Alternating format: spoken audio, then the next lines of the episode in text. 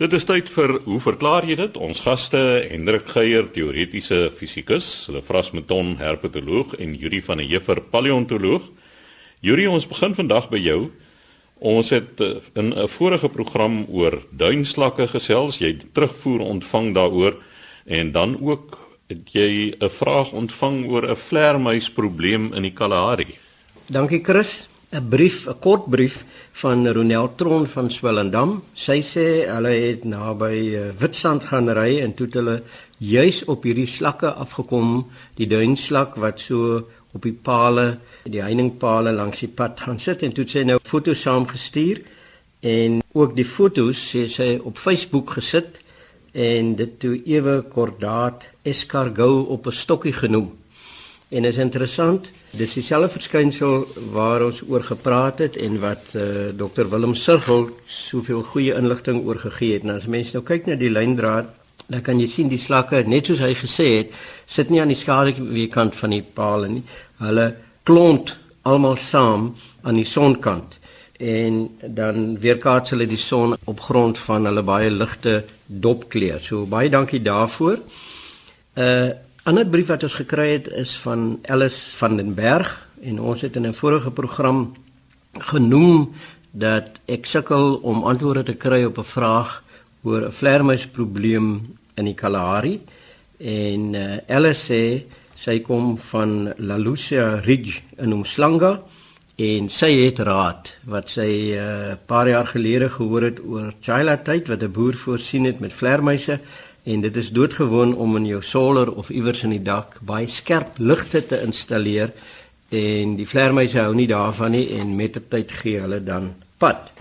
Die probleem wat ons egter het, het gekom via Pierre de Pre hier van Stellenbosch. Hy was by Albi Joubert se gastehuise naby van Sailsrus en hy sê die gastehuise is 'n uh, gebou van sparre of daar word gebruik gemaak van sparre met die gevolg is daar 'n klein gapingkies tussen die sparre en die vleermuise het nou daar ingetrek en hulle veroorsaak 'n probleem. Nou vleermuise is 'n uh, baie interessante goed en uh, van hulle is baie klein, hulle kan in hierdie nou gleuwe kan hulle ingaan en natuurlik waar hulle dan bly, het jy nou vleermuis mis en al die soort van goed wat nie te gesond is nie en as jy nou gaste in die plekke het dan uh, veroorsaak dit 'n probleem. Dit is in, om die waarheid te sê is dit 'n plaag. Nou ek het 'n bietjie rondgekyk oor hierdie probleem en wat mense doen met vleermuise. Ek het met professor Jan Nel gesels ons plaaslike klein soogdierman en dit lyk vir my dit is 'n moeilike probleem wat jy mee sit albei die soogdierlyste van Suid-Afrikaanse diere toon dat ons omtrent 73 soorte vleermuise het, baie daarvan dwarsdeur Afrika versprei is en albei het in elk geval sekere voorwaardes. Hy wil nie die vleermuise doodmaak nie, want hulle het 'n baie nuttige rol in die natuur. Hy sou eintlik graag wil hê dat hulle kan verwyder van die perseel af, miskien as hulle wil na vleermuishokke toe gaan of ander blyplekke.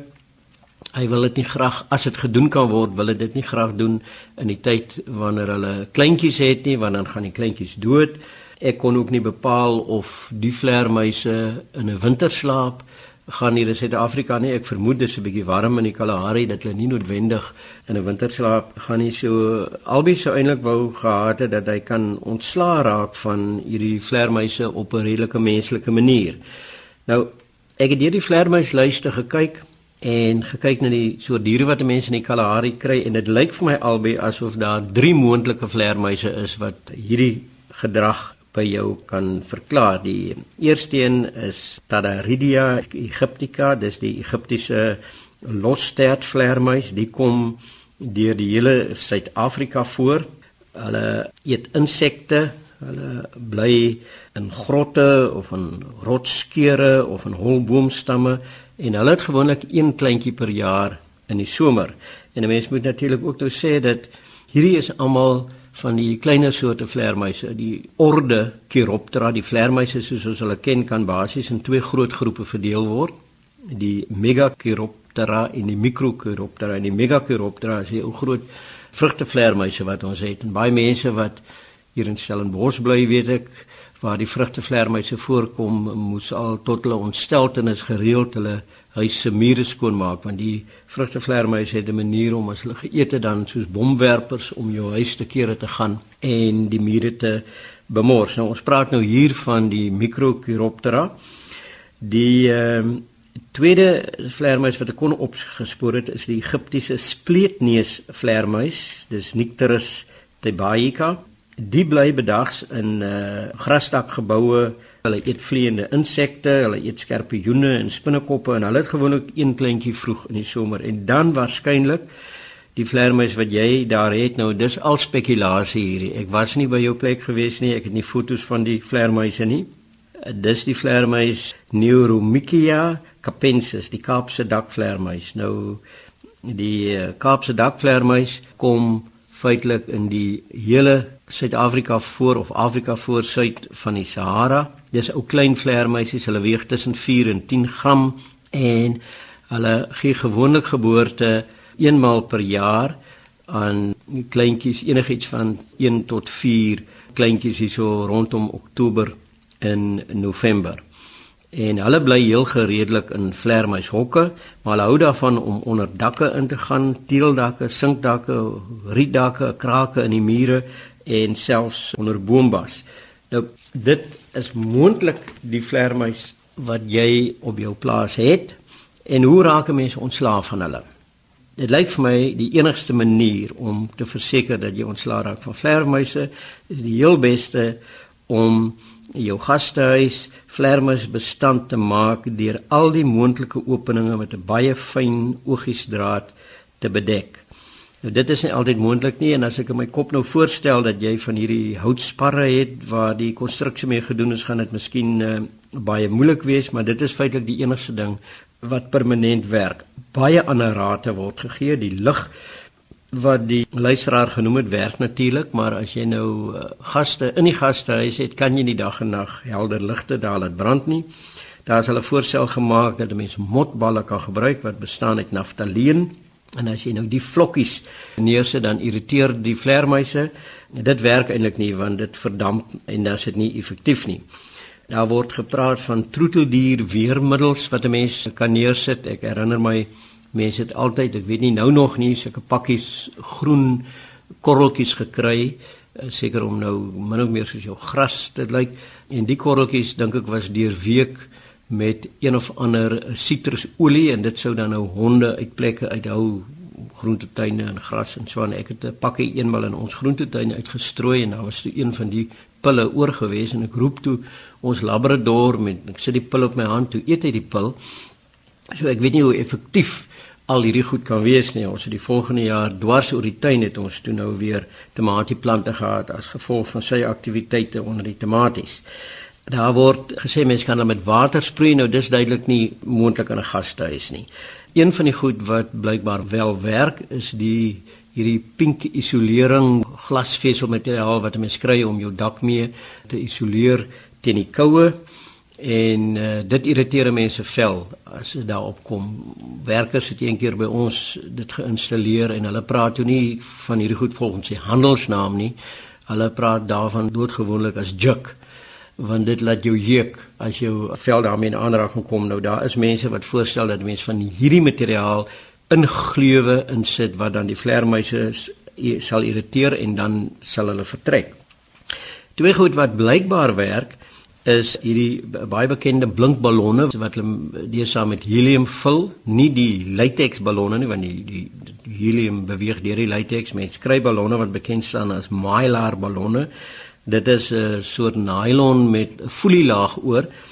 En ek weet nie of die folie dan die sonar van die vleermuise belemmer nie, maar mylar ballonne is veronderstel om hulle te verjaag en ook stroke folie. As 'n mens daar word gesê dat jy stroke folie van so 50 mm by 250 mm by hierdie plekke kan ophang. Dit verhoed nie dat die vleermuise vertrek nie, maar as hulle terugkom, belemmer dit blykbaar hulle optrede. Uh, ligreëling word ook as een ding genoem of groot waiers wat 'n mens insit om die plek af te koel. Nou ja, met gaste kan 'n mens nie altyd dit doen nie. En dan is daar 'n groep mense wat sê maar jy moet ultrasoniese klanke of hoë frekwensie klanke te gebruik. Nou die konsensus hieroor, alhoewel baie van die goed op die mark is, dat jy, jy kan kakkerlakke en insekte uit jou huis verjaag met al hierdie preparate, is dat dit nie werk nie. Die ultrasoniese klank werk nie. Nog 'n voorstel wat gemaak is is dat mense ammoniak dampe moet gebruik. Nou ek kan nie sien hoe dit in 'n gastehuis gebruik gaan word nie. En dan laastens is daar 'n moontlike ding wat kan werk en uh, dit is om uh, polipropyleen materiaal dis liggewig en blykbaar relatief goedkoop stroke daarvan te koop en dit op te hang op die plekke voor die openinge waar die vleermuise in en uit gaan of ook uh, deursigtige plastiekmateriaal want blykbaar verhoed dit nou nie dat die vleermuise vertrek nie maar dit verhoed dat hulle kan terugkom in die gleuwe en skeurtjies in. En dit is miskien die mees menslike manier om dit te doen. So om hulle nie te vernietig nie maar net te verhoed dat hulle op sekere plekke inkom. Nou albei ek weet nie of enige van hierdie rate of maniere van toepassing sal wees op uh, jou gastehuis en of dit hoegenaamd sal werk nie, maar dit is die beste wat ek kon doen met jou navraag. Yuri en dit klink vir my asof dit om 'n hele paar rand gaan kos om al daardie rate te probeer en te kyk of dit werk. Dit was dan Yuri van der Heever ons paleontoloog aan die woord. Volgende is dit Hendrik Geier, teoretiese fisikus. En Hendrik, jy het nou jou professors toege aan want jy gaan huiswerk uitdeel. Ja, dankie Chris. Die situasie is dat jy nie vir my enige huiswerk gestuur het nie en ek neem aan dit beteken dat daar nie onlangs spesifiek vrae na jou kant toe gekom het wat vir my aandag bestem was nie. So terwyl ek nie huiswerk gekry het nie, het ek gedink sal ek maar 'n bietjie huiswerk uitdeel.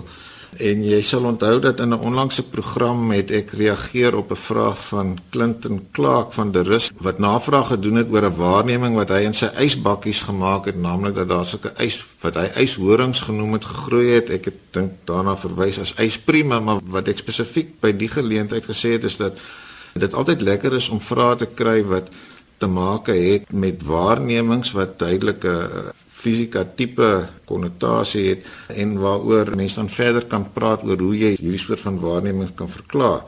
Nou die paar vragies wat ek hier het en wat ek hoop luisteraars sover sal kry om te reageer en dan hopelik daarmee saam dalk nog 'n vraag of twee van hulle eie saam te stuur is nie almal aan te beveel vir direkte waarneming nie en jy sal nou nou hoor hoekom maar kom ek begin met die eerste ene as 'n mens 'n glas water het en jy laat 'n klompie ysblokkies daarin val sodat hulle uiteindelik dryf en jy let op waar die watervlak in die glas is. Is die vraag as jy nou lank genoeg wag tot al hierdie ys uiteindelik gesmelt het en jy dan weer na die watervlak in die glas kyk, het daardie watervlak nadat die ys gesmelt het gestyg, gedaal of dalk dieselfde gebly. Nou dit is iets wat 'n mens duidelik self proefondervindelik kan probeer vasstel. Jy moet net genoeg ys in die glas of die houer gooi sodat daar darm 'n noemenswaardige hoeveelheid water smelt sodat jy as daar 'n verskil is dit sou kon waarneem. Nou die volgende is nou maar meer opgemaakte situasies nie aan te beveel dat iemand dit direk gaan beproef nie, maar dis die volgende soort situasie. So stel jou voor jy sit in 'n opblaasbootjie in 'n kleinerige swembad sodat jy die watervlak ten minste in beginsel sou kon monitor en saam met jou in die opblaasbootjie het jy 'n eislike stuk beton. As jy nou die watervlak meet met hierdie situasie, jy die blok beton in die bootjie op die water en jy laat val die blok beton in die water. Dieselfde vraag, wat gebeur met die wateroppervlak? Styg dit, daal dit of bly dit dieselfde?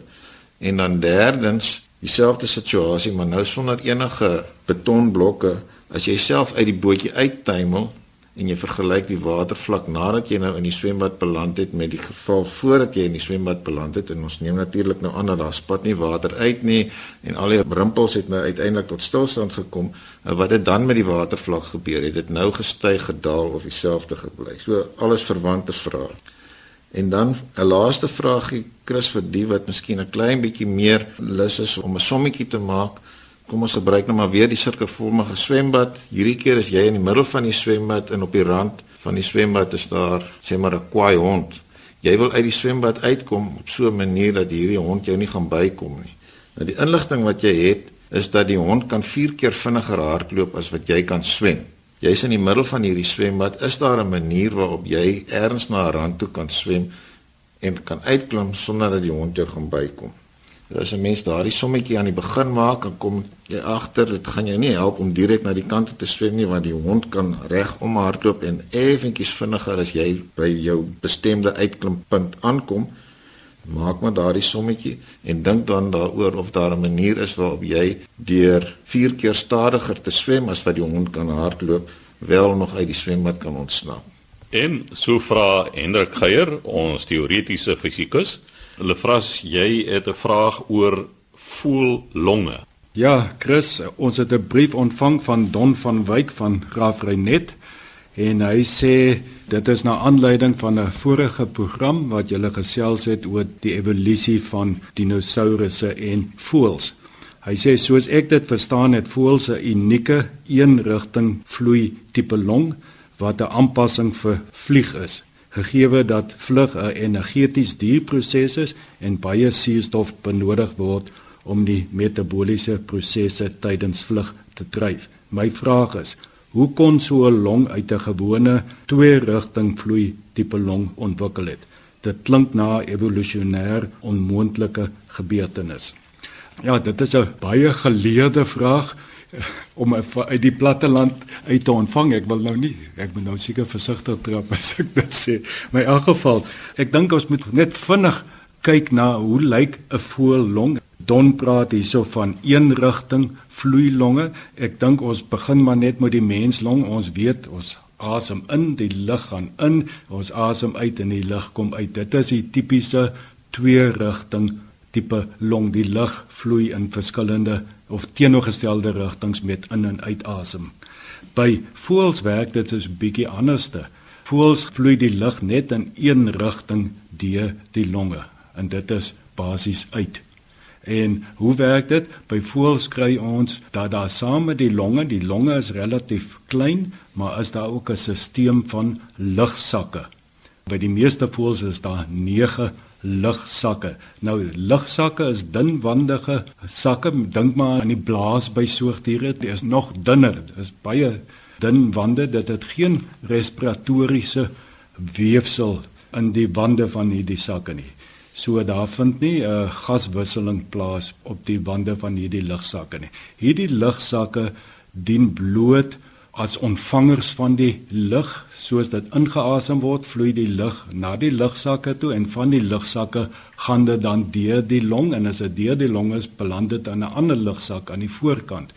So dit is so een rigting paadjie wat die lug volg min of meer. En dit maak natuurlik die longe van voëls baie effektief as dit kom by gaswisseling. Hendrik sal weet van teenstroom uitreiling of dan ten minste dwarsstroom of kruisstroom uitreiling wat baie effektiewe manier is wat die suurstof uit die lug uitgehaal kan word. So alhoewel voëls klein longetjies het relatief tot hulle grootte, werk die longe baie effektief en dit is als wat Don hierso sê, dit is natuurlik 'n baie nuttige ding vir vlieg by voëls. Dit is energeties duur en ja, hulle het baie suurstof nodig. Nou die vraag net is as mens nou gaan kyk na gewone reptiel, kom ons vat nou maar 'n akedus long Hoe lyk die? Die is maar gewone sakkie, net soos amper by soogdiere wat as gevolg van tussenribspiere die ribbekas word groter gemaak en die sakkie word vol lug gesuig en dan word die lug weer uitgeforseer. Nou hoe kon met ander woorde so mooi twee rigting, die tipiese twee rigting vloei van lug. Hoe kon so 'n stelsel nou uiteindelik oorsprong gee aan die voel tipe een rigting vloei van lug. Dit klink evolusionêr bietjie moeilik want daar, daar moet nou tussenstadia wees en uh, dit is moeilik om te visualiseer hoe dit kon gebeur het. Ek moet seker dadelik sê as mens na soogdierlonge kyk, dit is baie ver verwyder van reptiel en voëllonge, né? Yuri het by 'n vorige geleentheid gesê die soogdiere, die sinapsida, dis 'n baie vroeër aftakking en soogdiere het 'n diafragma net wat 'n baie sterk pompe saam met die ribbekas. Daardie diafragma word afgetrek en dit suig groot volume lug in die longe in. So soogdiere het groot longe vol kamertjies, die alveoli waar gaswisseling in plaasvind, maar hulle het hierdie kragtige pompmeganisme of suigpompmeganisme om die lug in te kry. Reptiele en voëls het nie so 'n diafragma nie. So dit is 'n bietjie 'n probleem om die lug in te kry in die longe en dit is dan nou veral by wanneer diere bietjie meer aktief raak die aktiewe predatore en so meer, dan het hulle 'n probleem om genoeg lug vinnig genoeg in te kry. En dit is waar die lugsakke dan nou ontwikkel het. Omdat lugsakke is dunwandig by voëls, hulle kan net daai ribbekas bietjie vergroot, dan gaan die lugsakke uitsit en lug insuig. Die long self, die respiratoriese weefsel is te styf en dit kan nie uitsit en inkrimp nie. So die lugsakke speel dus 'n baie belangrike rol om die lug in te kry en weer uit te kry. Nou is die vraag nou hoe het dit nou ontstaan? En vir baie jare het die mense nie geweet nie en Yuri die kreasioniste het dit as 'n geleentheid gebruik om te sê uh uh dit wys daar kan nie iets soos evolusie wees nie want waar's die tussenstadia? Nou natuurlik as mens nou na tussenstadia sou wou gaan soek dan sou mens na die dinosourus of by hulle wou gaan kyk want dit is voels is dinosourusse. Maar ongelukkig is die dinosourusse uitgesterf en ons weet longe is sagte weefsel wat dan nou nie gaan fossileer nie.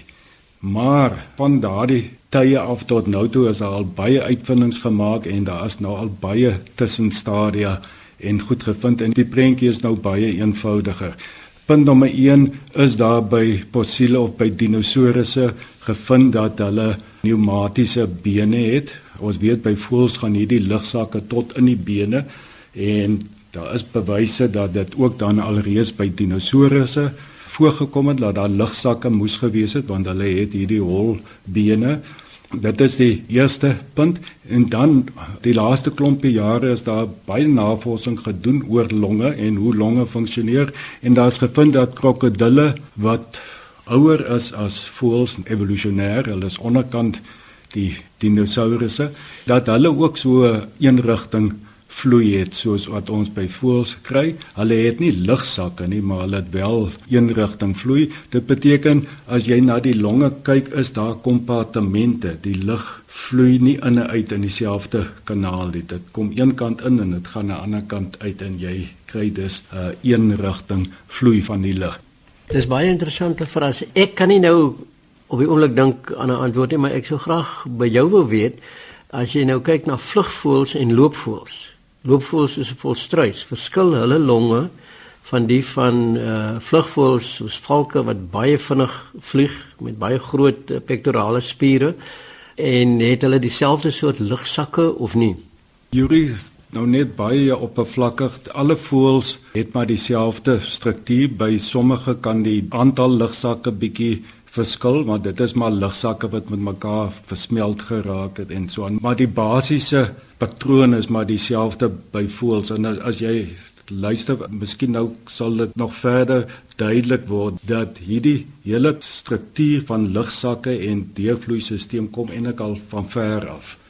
Daar is dan nou onlangs in 2013 ook gevind dat daar by die Varanidae, net dit is nou die likkewaanagtiges dat ook hulle longe het al hierdie een rigting vloei van lug soos wat ons dan by voëls ook kry. So die voël long soos hy daar is, kom 'n ver pad. Dit is nie so seer 'n aanpassing tot vlug nie. Die uitgebreide lugsakke wel, ja, maar dit is daardie lugsakke in kleiner volumetjies is reeds teenwoordig by krokodille en by van hierdie likkewaanagtiges. En wat interessant is as mens kyk na hierdie groepe diere, die likkewane, dink aan die Komodo drake van Indonesiese eilande. Dit is groot aktiewe jagters. En krokodille, ons weet hulle het vierkame harte en die geskiedenis dui daarop dat hulle ook op 'n stadium baie aktiewe jagters was en relatief groot. En natuurlik jou dinosourusse die predatore hulle was aktiewe jagters. En omdat hierdie vroeë diere nie 'n diafragma gehad het nie was hulle asemhaling problematies. En die manier hoe om die funksionering van die longe te verbeter was juis oor tyd het hierdie eenrigting vloei ontwikkel. En dan is dit dan verder by voëls uitgebou. So nee don dit is nie evolusionêr glad nie onmoontlik nie. Dit is nou met al die nuwe inligting het dit al 'n lang pad voor voels was alles al eintlik in plek. By voels is dit maar net die lugsakke wat dan verder uitgebrei is en die rol van die lugsakke net om af te sluit, dit is die blaasbalk. Dit is die deel wat die lug kan ontvang want dit is dunwandig, dit kan reageer op drukverskille wat teweeggebring word deur die tussenribspiere en ook natuurlik die ingewandes wat heen en weer beweeg word. Die long self weefsel is styf en dit is klein en dit kan nie soos by 'n soogdier long is, dan mos nou 'n lekker suigkrag wat deur die diafragma gebruik word. So So wat jy sê dis amper soos daai oeroue vraag, wat het eers gekom, die hoender of die eier? En dis baie duidelik, die antwoord is lankal daar. Die eier het eers gekom want daar was eiers en sperm gewees lank voor die hoenders gewees het. Presies, die deurvloeistelsel was waarskynlik in plek lank voor voëls begin vlieg het. So sê hulle Frasmeton, ons herpetoloog, u kan aan ons skryf by hoe verklaar jy dit? Posbus 2551 Kaapstad 8000 of 'n e-pos stuur aan chris@rsg.co.za.